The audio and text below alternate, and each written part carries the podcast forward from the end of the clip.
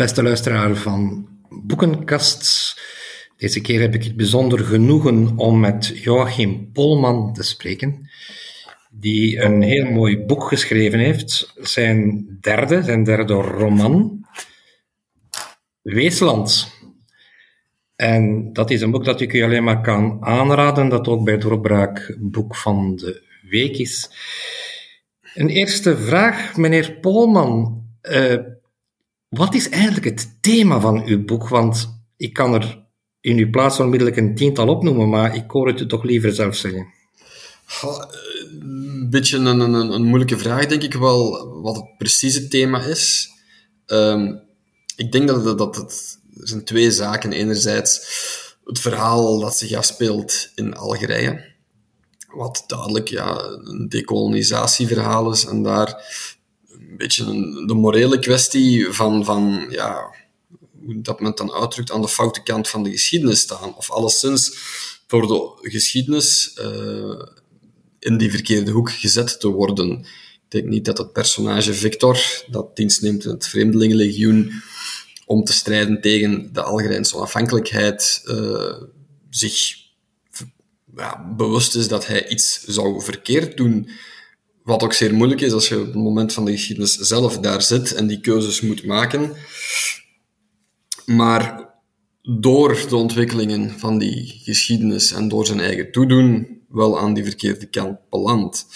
En dan anderzijds heb je de verhaallijn die zich afspeelt in Toscane, waar Victor op dat moment al een, pak ouder is en uh, kan terugblikken op zijn leven. Uh, en daar moet vaststellen in volle coronatijd, ja, dat dat wel een, een, een gemankeerd leven is, dat hij wel fouten heeft gemaakt en dat hij de fouten die hij ziet, of die, die, die hij heeft gemaakt, opnieuw ziet gemaakt worden.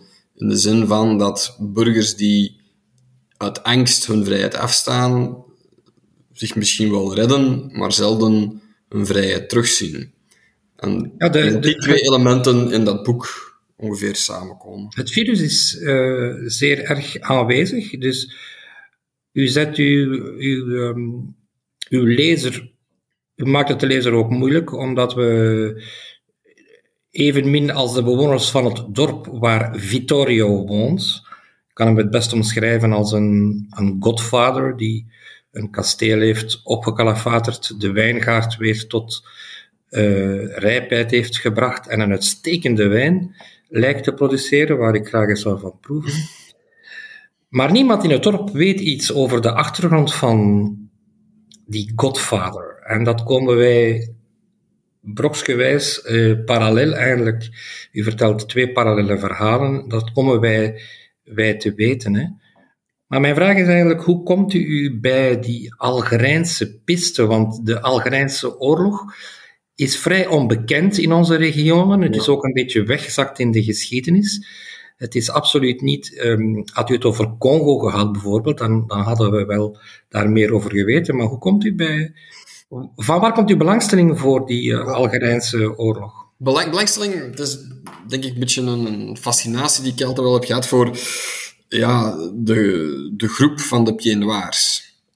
Zijn de Fransen, die in Algerije, Algerije zijn geboren, opgevoed, daar een leven hebben doorgebracht. Pieds is ook veel meer, want er waren ook veel Grieken, veel Italianen, uh, die op dat moment in Algerije leefden. Um, en dat is een beetje ja, een vergeten verhaal. Je moet, Algerije was één, geen kolonie van Frankrijk. Algerije was een deel van Frankrijk. Net zoals Bordeaux of, uh, of de Provence een deel is van Frankrijk, een departement van Frankrijk, was Algerije dat ook. Wat rechtstreeks bestuurd vanuit Parijs, zijn er wel met een prefect in Algiers. Maar dat was een deel van Frankrijk. En je kan dat misschien best vergelijken met de situatie in Australië of Zuid-Afrika of Canada. Ja, die mensen voelden zich ook eerder Algerijn dan dat ze zich Frans voelden. Um, maar die werden dan wel massaal terug naar Frankrijk gebracht op het moment dat de onafhankelijkheid plaatsvond.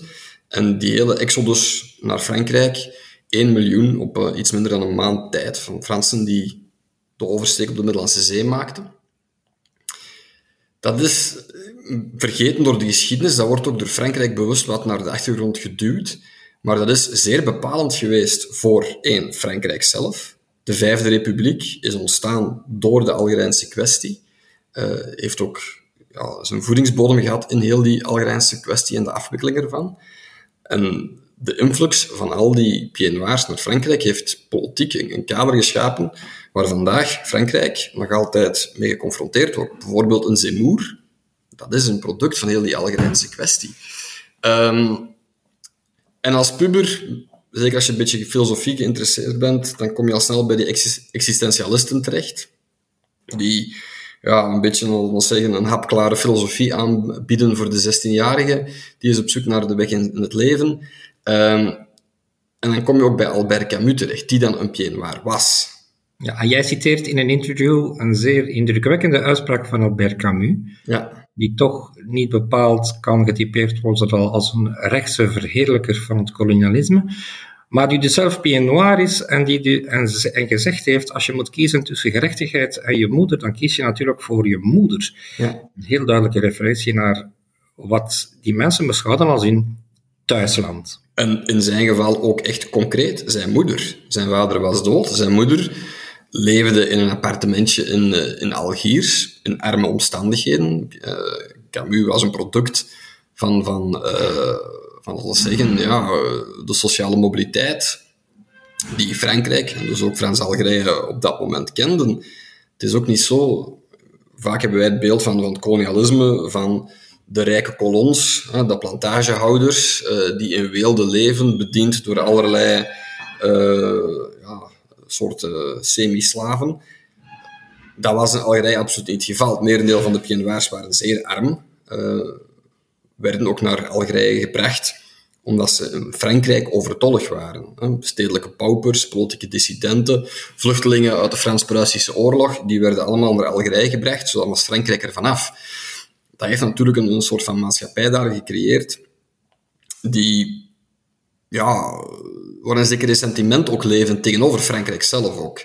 Um, en Camus was daaruit afkomstig. Zijn vader was gesneuveld in de, de loopgraven van de Eerste Wereldoorlog, als ik me niet vergis. Dus hij is daar in bittere armoede opgegroeid.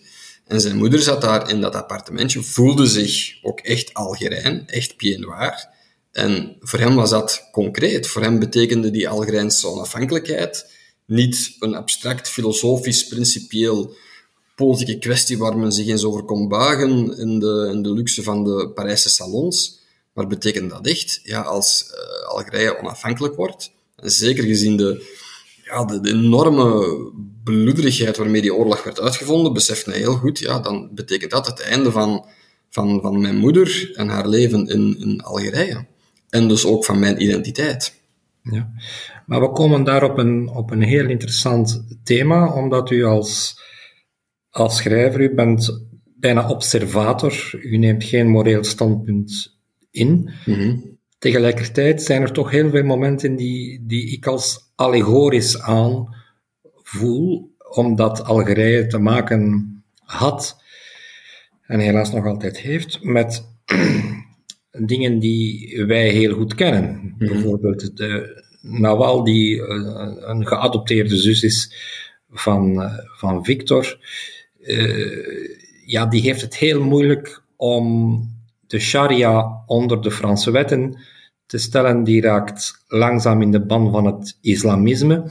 Maar tegelijkertijd geeft u haar ook de kans om over racisme te, te spreken, waar zij in een, in een heel rijk pleidooi uh, Victor probeert duidelijk te maken dat zij nooit zal gezien worden als een gelijkwaardige Française, omdat zij van Algerijnse uh, afkomst is. Mm.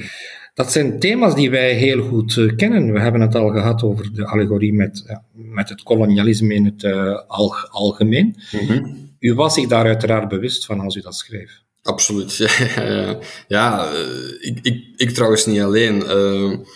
Diab Abu Jaja uh, heeft dan ook een boekje uitgebracht waar hij letterlijk de parallel trok met de, de Algerijnse oorlog. Hij heeft dan ook op, op uh, Zomergast op VPRO een, eh, een, aflevering gedaan waarin hij daarna de Slag om Algiers, de film De Slag om Algiers, liet zien. Trouwens, een film waar effectief veteranen van de Algerijnse oorlog in meegespeeld hebben. Dus de parallel van, van, van de aanslagen en van het, het moslim-extremisme, die op dat moment ook het boek begon, we spreken dan van 2016, die zeer aanwezig was met die aanslagen, dat werd door veel meerdere mensen wel doorgetrokken. En dat is ook zo. Je hebt de Algerijnse oorlog viel in twee delen. Je hebt de guerrilla-strijd in de Bled, zoals het dan in Algerije heette, de Sahara en de, en de bergen. En je had de terroristische netwerken in de steden. En de steden waren zeer Europees. Oran, uh, Algiers, dat waren Europese steden. Die hadden echt een Europees aangezicht. Je, merkt dat vandaag nu nog in, in Algiers. Het heeft die gebouwen, je waant je bijna in Toulouse. Um, die strijd in de steden was zeer, is zeer vergelijkbaar met een toeristische strijd vandaag die in gevoerd werd door de moslim-extremisten.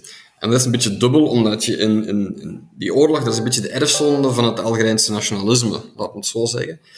Die onafhankelijkheidsstrijd werd zeer hard gevoerd vanuit de principes van ja, de Franse revolutie zelf, vanuit vrijheid, gelijkheid en broederschap.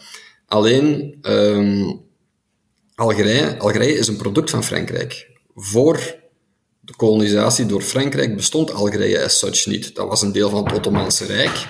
Frankrijk heeft dat veroverd om uh, controle te kunnen hebben over de Middellandse Zee.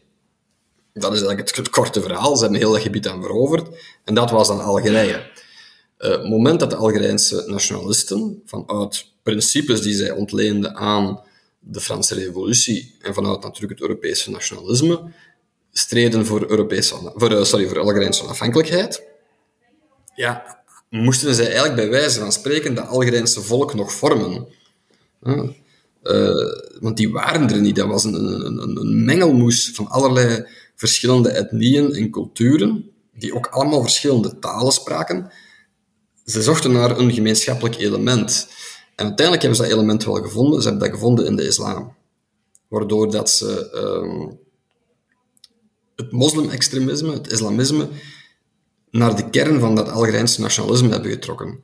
En dat heeft hen ervoor gezorgd dat ze wel heel Algerije achter zich konden verenigen en dat ze het volk konden mobiliseren voor de onafhankelijkheidsstrijd. Heeft er wel na de oorlog voor gezorgd dat in het moderne Algerije uh, ja, men zeer snel afzakte naar een burgeroorlog. Omdat die, uh, die moslim-extremisme, die islamisten, die ze mee hadden genomen in een onafhankelijkheidsstrijd en ook politieke posities gingen innemen na de onafhankelijkheid, uh, het niet eens waren met de meer liberale westerse politieke invulling die de door de Franse overheid gevormde Algerijnse nationalisten gingen, gingen geven aan het moderne Algerije. En dat is tot op vandaag een van de grote breuklijnen in het Algerijnse landschap. En dat, dat is daar een gevolg van. De hele strijd van de vis in, in, in, de, in de, jaren negentig. Dat is nu ook alweer ver achter ons. Maar dat is een product van, van de Algerijnse onafhankelijkheid. U toont in uw boek ook hoe de twee kampen in feite steeds radicaler worden. Dus de, de islamitische groepen worden steeds extremer, worden steeds bloediger, plegen heel bloedige aanslagen. Maar aan de andere kant heb je dan die, je hebt eigenlijk een dubbele rechterzijde eh, die zich verzet, uh, waarbij het Vreemdelingenlegioen eerst vertegenwoordiger van Frankrijk nog altijd als officieel leger, maar dan na wat zij noemen het grootste verraad ooit, de uitspraak van president de Gaulle, je vous ai compris, uh, waarvan zij begrepen, snel begrepen dat hij hen helemaal niet begrepen had, gaat dat Vreemdelingenlegioen in feite ook een subversieve beweging worden en hmm. gaat hij een even vrede oorlog voeren uh, tegen de, wat zij dan noemen de extremisten. Is dat ook een allegorie? Kunnen wij ons verwachten aan een dergelijke beweging? Nee, nee, absoluut niet. Dat, uh, dat is nu eenmaal de historische realiteit. Um, die subversiviteit is natuurlijk wel geïntroduceerd door de Franse staat zelf. Voorafgaand aan, uh, aan de gebeurtenissen van, uh, van 1958, toen de Gaulle aan de macht kwam. Frankrijk wist absoluut niet meer hoe ze met Algerije moesten omgaan, hoe ze die oorlog moesten strijden. Uh, de oorlog in Indochina was net voorbij. En um, heel die contingenten van militairen van het Vreemdelingenlegioen werden van Indochina, dan Vietnam, naar, uh, naar Algerije gebracht. En die had natuurlijk de ervaring van Indochina, van hoe zo'n oorlog uitgevochten moest worden. Hoe dat je eigenlijk ja, guerrilla moest bestrijden met guerrilla-technieken en tactieken. En Frankrijk heeft eigenlijk, laten we zeggen, de Franse staat en de Franse politiek heeft eigenlijk gecapituleerd en gezegd: Vreemdelingenlegioen, carte blanche, los het op. En ze hebben dat ook gedaan. Ehm, we vergeten dat vaak. Ik beschrijf eh, de tweede staatsgreep van 1962, of van 1961, sorry. Maar wij vergeten dat het Vreemdelingenlegioen in 1958 al een staatsgreep heeft gepleegd uh, om de Gaulle aan de macht te brengen. Uh, de Gaulle is aan de macht gekomen door een staatsgreep uh, en door de dreiging van, van het leger in, in Algerije om Frankrijk te bezetten. Dus helemaal vergeten, maar op een bepaald moment hadden zij al paras laten landen op Corsica. Ehm, dus Corsica was op dat moment al ingenomen. En onder die dreiging heeft de Franse politiek ook gezegd: oké, we stoppen. Uh, de Gaulle kreeg echt uw kans. Hij heeft dan een persconferentie gegeven waar hij hem gevraagd heeft: van, geef mij x aantal maanden, vier maanden, dan kom ik een grondwet en uh, die moet aanvaard worden en dan zal ik het doen. En zo is de Gaulle aan de macht gekomen en zo is de Vijfde Republiek ontstaan. Uh, dus het, het, het Vreemde Legioen had eigenlijk al een subversieve rol gekregen door de, de Franse staat, voelde zich daar ook door gelegitimeerd en is daarna voor een stuk ontspoord. Uh, en zij zijn van mening gegaan, van mening geweest dat als de Franse staat ons verraadt, dan zijn wij degene die Frankrijk moeten verdedigen en dan zullen we het ook doen ook. Met als gevolg de staatsgreep van 61 en als gevolg ook de, de heel bloederige aanslagen van de OAS, niet alleen in Algerije, maar ook in Europa en Frankrijk zelf. Ook iets dat we bijna vergeten zijn, als je de, de dag van de jakhals, hè, dat is misschien nog de laatste ja. herinnering die we hebben, die film, dat gaat over de, dat is een aanslag die gepleegd wordt door de OS. Ja. Um, uw boek heeft een hele mooie titel, waarvan, waarvoor we enige tijd nodig hebben in een boek om het te begrijpen.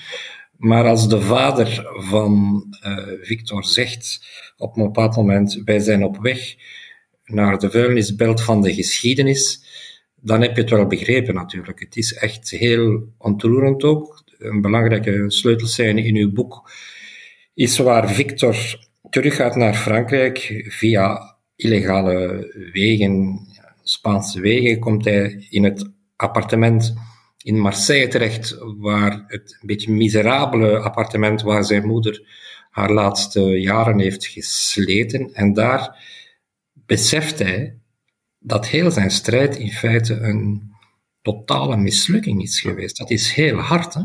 Dat is zeer pijnlijk en dat is ook het moment waarin dat hij ja, moet erkennen dat alles wat hij gedaan heeft, en hij heeft verschrikkelijk veel gedaan, dat dat echt niet door de beugel kan. Hij heeft gemarteld, hij heeft gemoord, uh, hij heeft mensen laten uitmoorden.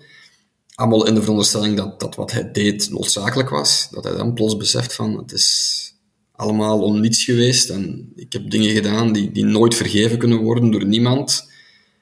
En ja, het enige wat ik nog kan en wat mij nog rest is, is proberen er nog iets van te maken. Nog in het volle besef dat hij het niet kan herstellen wat hij, wat hij mis heeft gedaan.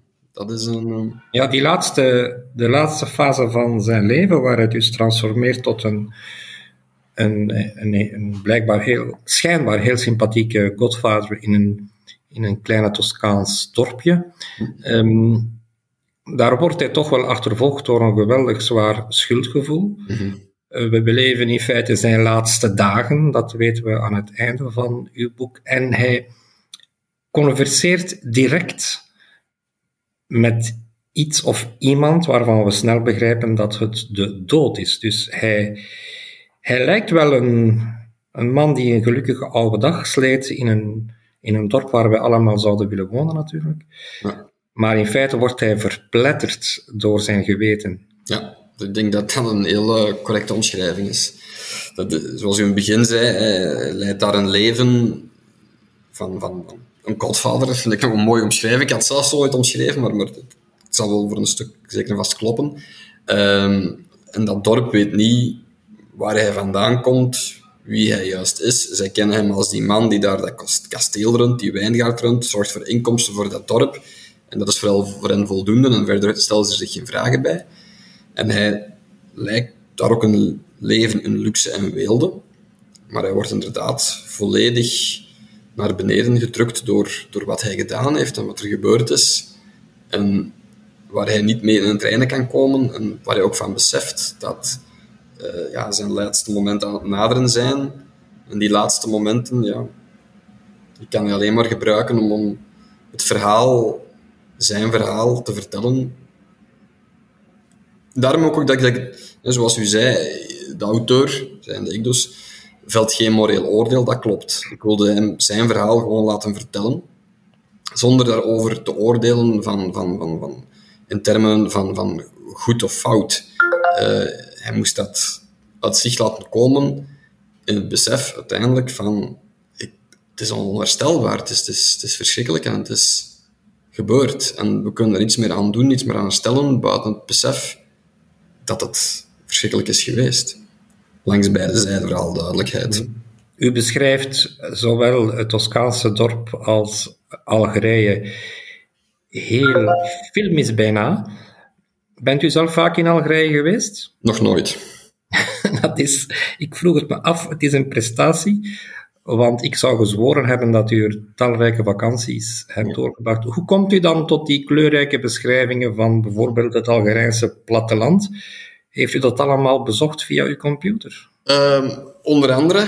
Um, ik, heb, maar ik heb enorm veel research gedaan voor, voor dit boek. Uh, in 2016, denk ik, ben ik met mijn, met mijn voorstel, uh, dus eigenlijk met mijn kleine synopsis naar de uitgever gegaan. En die zei, oké, ik ben geïnteresseerd. En ben ik daar beginnen research doen. Maar dat heeft, denk ik, drie jaar geduurd. En dan heb ik echt enorm veel gelezen over die oorlog, maar ook over Algerije zelf. Want ik wilde niet dat ik een beetje een soort van abstract boek ging, ging schrijven. Het was ook mijn bedoeling om effectief naar Algerije te gaan. Maar dan is er dan uh, door werk, voor de verkiezingen in 19, en daarna dacht ik van, dan kan ik wel eens een keer op vakantie gaan naar Algerije, maar dan is er COVID gewijs nooit van gekomen. Um, dus ik ben nooit in Algerije geweest, maar enorm veel gelezen over ja, alles van Algerije, de Algerijnse culturen, want het zijn verschillende culturen, het Algerijnse landschap, uh, de geografie, de fauna en flora, het, het, ook hoe het leven was in Frans-Algerije. En je vindt daar wel enorm veel informatie over, ook van, van ja, uh, of, de nazaten daarvan, die gemeenschappen vormen waar wel heel veel over te vinden is, omdat die, ja, die hebben een weesland. Hè. Die hebben, hun land bestaat niet meer. Dus die, die, die kunnen alleen nog maar die identiteit tot uitdrukking brengen in boeken, in, in chatrooms. Uh, dank u internet, dat is wel een bron van informatie geweest. En dan pik je wel veel op over hoe dat Algerije uh, er in de jaren 50, 60 uit moet gezien hebben. Uh, in die mate zelfs, Al, uh, Algiers heb ik ontdekt via Google Street View. Echt, ik heb urenlange wandelingen gedaan via Google Street View door, door Algiers. in die mate zelf dat ik, ik zou het eigenlijk eens een keer willen testen, want ik heb in mijn hoofd heb ik echt een kaart zitten van Algiers en kan ik er bij wijze van spreken mentaal door wandelen. Maar ik zou eens willen testen of ik het ook in de realiteit zou, zou kunnen betwijfelen. Het, is in ieder geval, het voelt wel zo aan. Het is gelukt, ja, want ik, ik was er... Ik vermoedde het wel dat het mogelijk is tegenwoordig om niet naar een stad te moeten gaan of naar een platteland te gaan om het te beschrijven, maar u doet het op een toch wel vrij indrukwekkende manier. Ik was er dus echt zeker van dat u daar in die, door die woestijn gedwaald had en de impact had gevoeld van de hitte en het zand. Maar dat was dus allemaal fake. Dat was allemaal... Het is, het is fictie. Nee, het is computer natuurlijk is en het is een, een fictieverhaal. Een heel mooi boek, Weesland, meneer Polman. Ik dank u hartelijk voor dit gesprek. Ik kan het boek alleen maar aanraden. Beste luisteraar van podcast, het is uitgegeven bij BNL en het is het boek van de week bij Doorbraak. Wel bedankt, meneer Polman. Dank u wel.